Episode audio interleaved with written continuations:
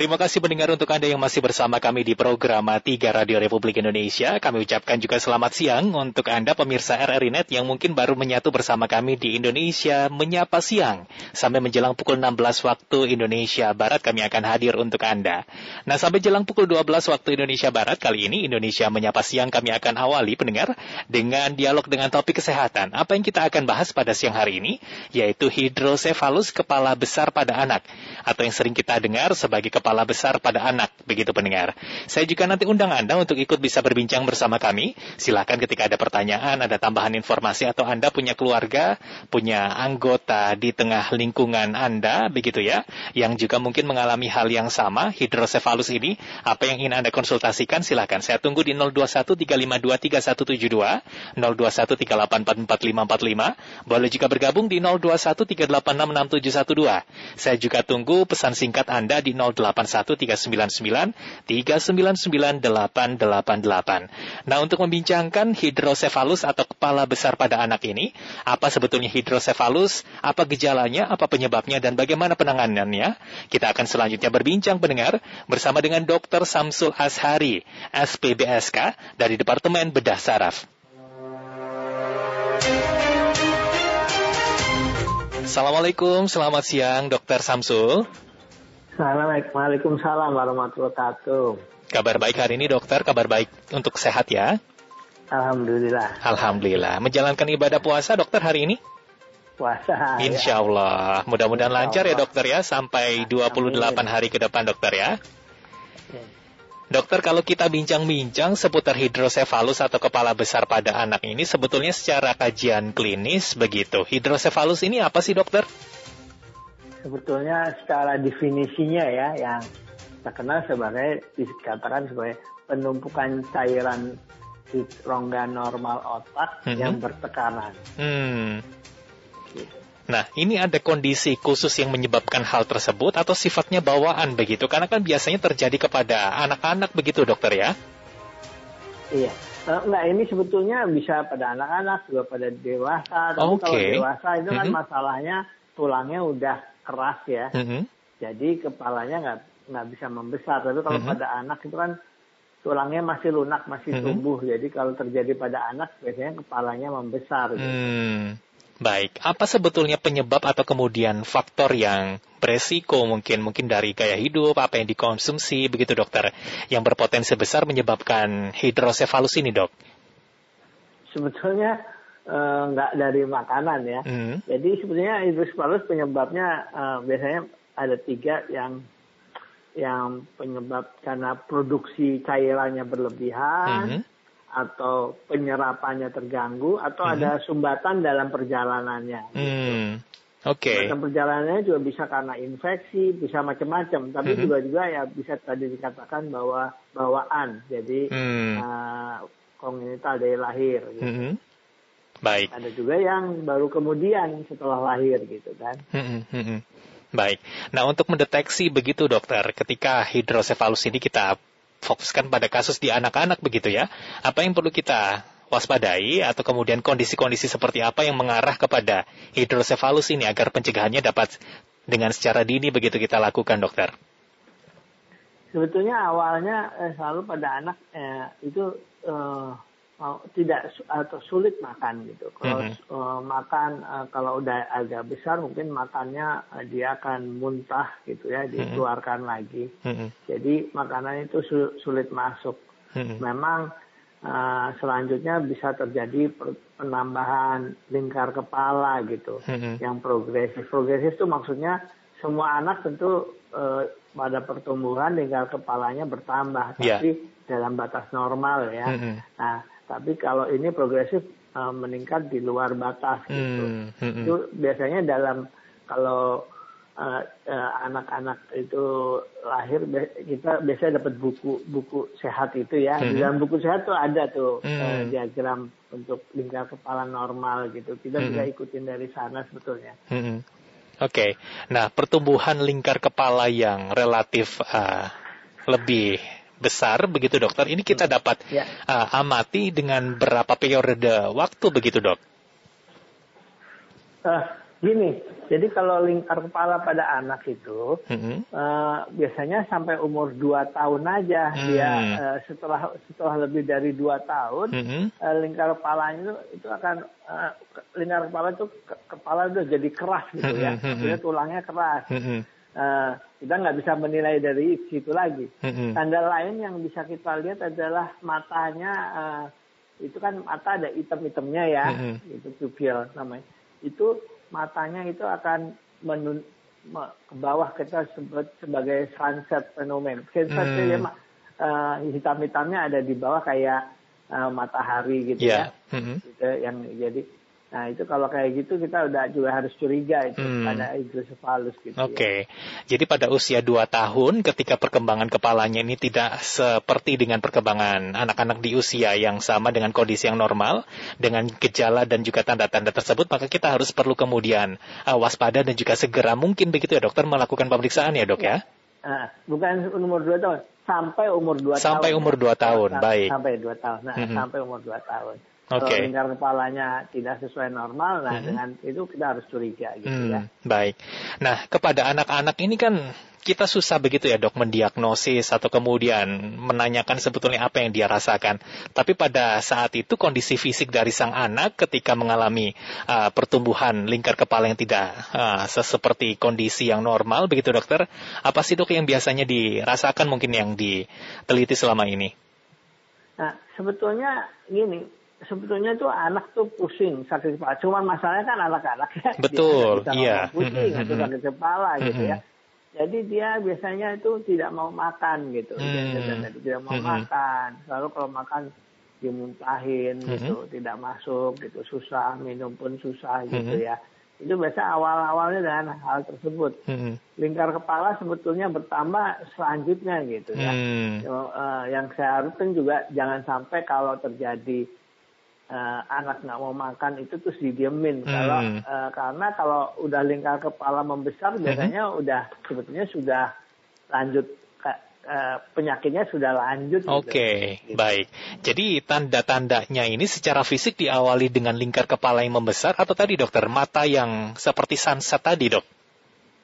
Uh, bisa bersamaan, gitu. hmm. bisa bersamaan. Tapi hmm. sebetulnya awalnya sih lebih lebih banyak semestinya matanya ke bawah. Cuman hmm. kadang-kadang tuh orang juga nggak memperhatikan ya yeah. mata ke bawah gitu. Hmm. Jadi setelah dia fix ke bawah terus baru hmm. terperhatikan. Hmm, Oke, okay, baik. Nah, dokter, ini ada pendengar kami yang juga ingin ikut berbincang. Kita terima terlebih dahulu ya, dokter. Ada Pak Udin ya. di Boyolali. Selamat siang, Pak Udin. Selamat siang, Assalamualaikum warahmatullahi wabarakatuh. Waalaikumsalam. Silakan, dok. Pak Udin, uh, kita bersama dengan Dokter Samsul Asyari ini. Uh, ya, Bapak Arga, Bapak Dr. Samsul Asari, uh, Departemen Bedah Saraf, yang salam, salam sehat semangat. Uh, di Indonesia, uh, penyakit uh, uh, besar kepala kayak gitu, bukan keras kepala maksudnya ya itu sebenarnya ada nggak sih program dari pemerintah untuk menyembuhkan penyakit tersebut abis itu uh, selama ini yang udah sembuh tuh abis itu kembali ke jadi orang normal lagi tuh ada nggak abis itu banyak apa enggak gitu Uh, demikian, Wassalamualaikum. Waalaikumsalam warahmatullahi wabarakatuh. Terima kasih banyak Pak Udin. Di belakang Pak Udin masih kami tunggu 3523172, 3844545 atau 3866712.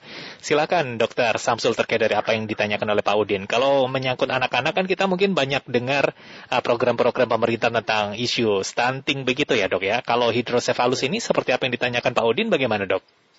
Ya, memang uh, dan program-programnya belum khusus ke arah ke arah hidrosefalusnya ya, hmm. tapi sebetulnya program pemerintah ke arah gizi kesehatan anak gitu ya, maksudnya hmm. stunting segala lebih protein.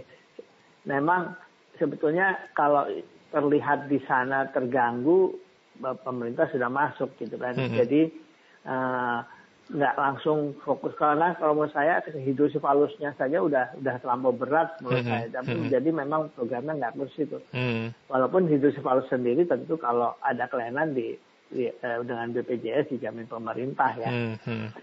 kemudian eh, yang pertanyaan kedua mengenai sembuh apa tidak sembuh sembuh maka itu itu yang eh, ingin saya katakan kalau tidak terlalu lambat gitu ya kepalanya sudah sebesar maaf sebesar tampah besar Ya. sekali, Mhm. nah itu udah terlambat. Hmm. Tapi kalau kalau hanya eh, lewat dua ya lewat sedikit di atas garis eh, standar gitu, Mhm. Mhm.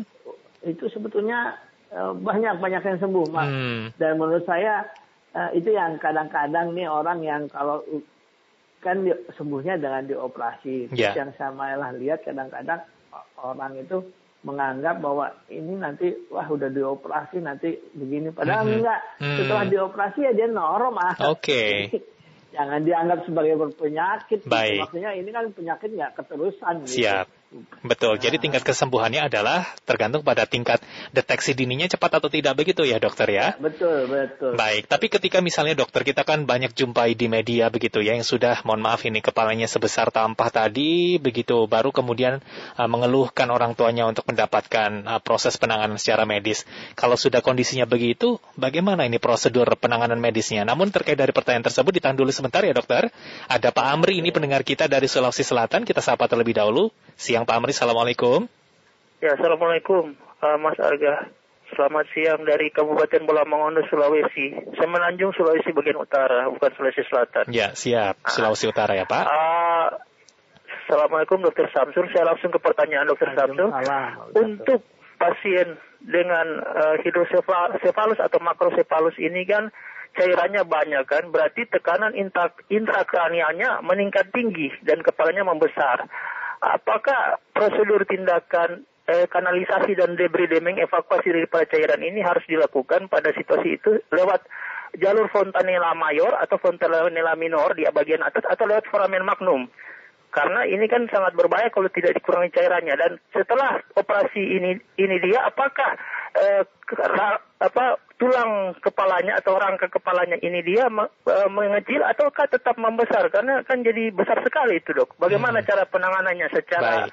eh, operasi plastik atau operasi eh, untuk mem- memperbaiki kondisi ini? Itu aja. Terima kasih. Selamat siang. Selamat siang, terima kasih banyak Pak Amri. Tampak sangat paham begitu ya terkait dari hal ini. Di belakang Pak Amri masih kami tunggu 352-3172, 3844545 atau 3866712. Silakan disambung langsung dokter apa yang disampaikan oleh Pak Amri tadi pertanyaannya. Hmm, terima kasih Pak Amri. Jadi eh, itu jadi dipasang selang itu enggak dari fontanella maaf. Itu dipasang selang. Jadi biasanya kita pasang selang ada titik namanya titik eh, Denby atau titik Kins ya. Itu tempat di mana kita memasang ke ventricle bukan ke fonta. Jadi ke ventricle ventricle itu yang yang dikatakan tadi tadi saya bahwa eh, rongga normal otak. Jadi Mhm. Kita memang di otak kita punya rongga-rongga yang berisi cairan yang sebetulnya cairan itu mengalir ya Hmm. jadi nggak bertumpuk nah ini Mhm. kalau kalau tersumbat atau terganggu nah Mhm. di rongganya itu bertumpuk cairan Mhm. jadi kita masang saluran ke rongga itu saluran itu bisa berbentuk selang ataupun tanpa selang bisa juga kita melobangi misalnya melobangi melobangi supaya mengalir cairannya tergantung masalahnya yang terjadi sebabnya apa itu Hmm. sefalus itu Mhm.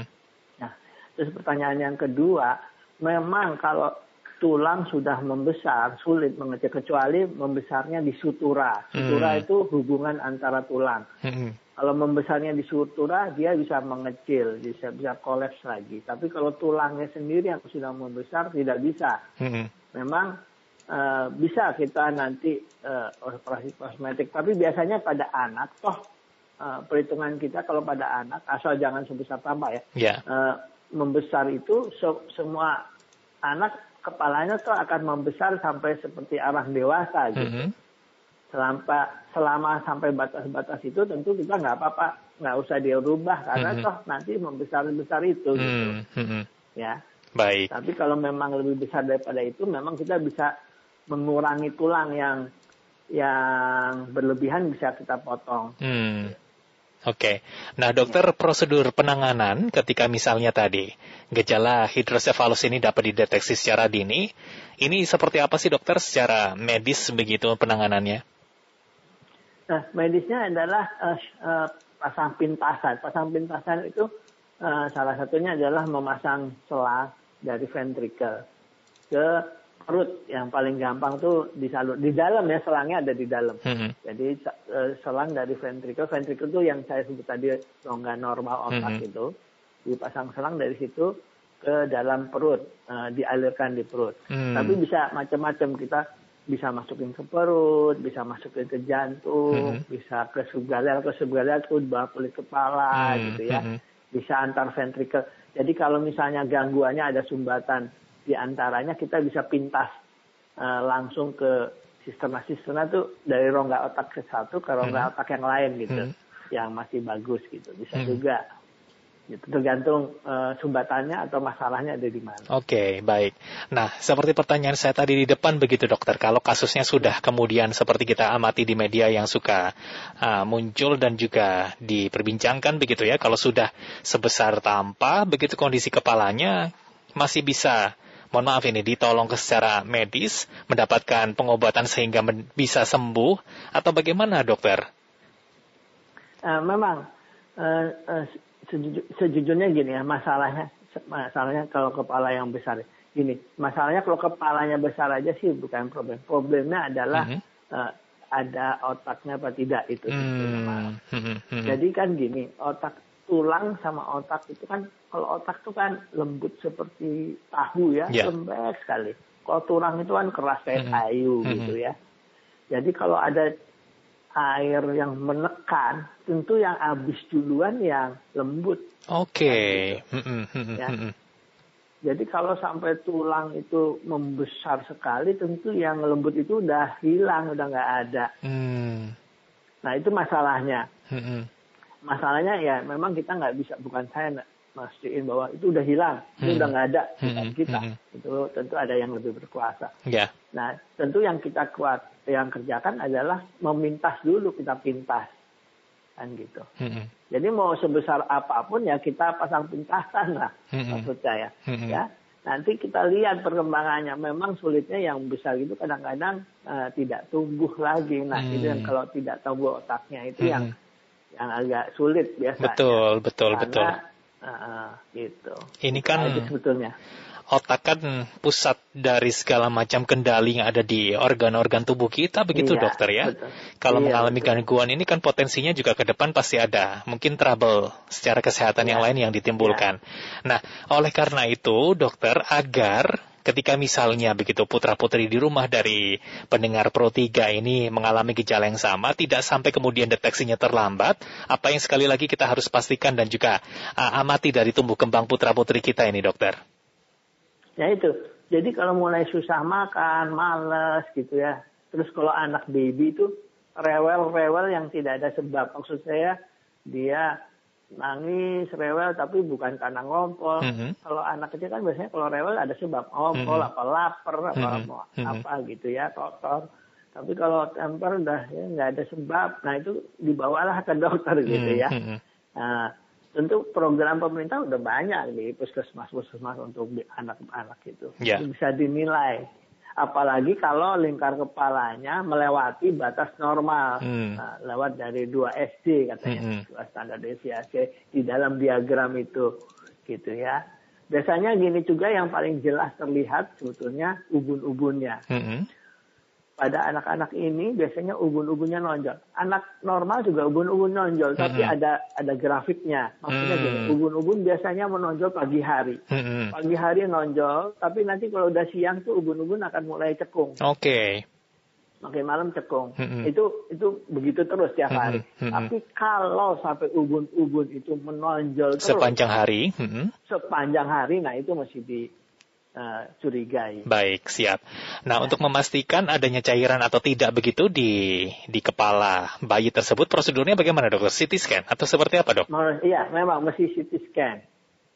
Tapi screening awal itu sekarang eh, eh, dokter-dokter yang radiologi itu udah makin canggih. Mhm. Mereka sudah bisa dengan USG namanya. Hmm, USG itu sebetulnya non invasif, tapi malah Mhm. mungkin lebih kurang ada tidak, tapi lebih murah sebetulnya malah lebih Hmm. murah, Mhm. alatnya lebih kecil.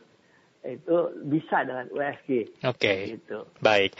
Nah, dokter tadi misalnya sudah dapat penanganan yang baik, begitu deteksi dininya sudah selesai dilakukan, setelah tadi ada tindakan operasi, sebetulnya uh, dalam perkembangannya ada perlu-perlu uh, treatment-treatment yang lain begitu tidak, dokter?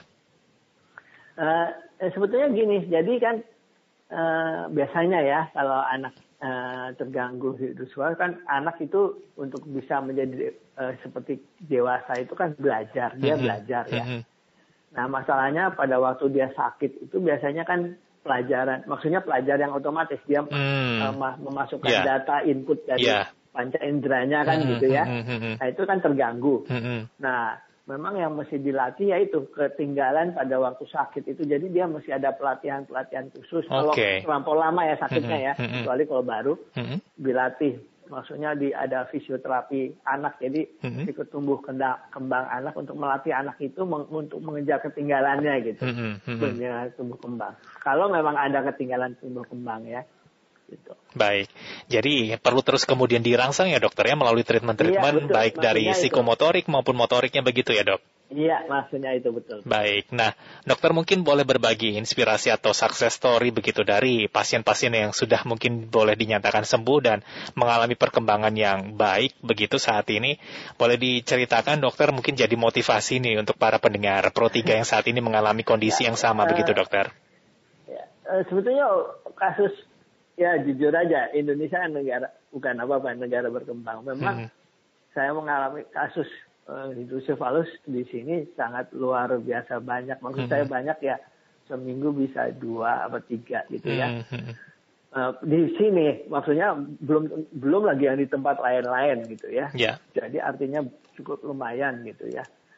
Uh, dan itu kalau ditangani dengan baik dengan cepat sebetulnya uh, dia akan sembuh normal hmm, gitu. Hmm. Nah yang sulit kadang-kadang yang saya lihat uh, banyak orang menjadi tidak normal itu sebetulnya bukan karena hidrosefalus atau atau uh, operasinya, tapi hmm.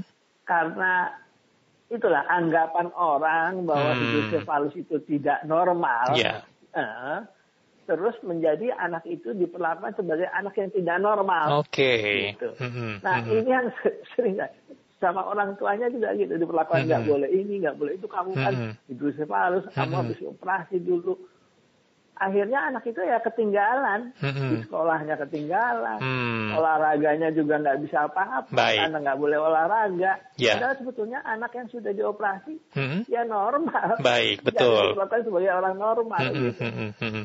baik itu. siap Terima kasih banyak Dokter Samsul sudah berbagi bersama dengan Pro 3. Kita terus tumbuhkan begitu utamanya kesadaran para orang tua ya dok ya untuk tetap aware mengamati perkembangan putra putri ini. Ketika misalnya tadi ada terdeteksi gejala dini hidrosefalus, mudah-mudahan deteksi dini dan juga pencegahannya bisa terus dilakukan ya dok ya.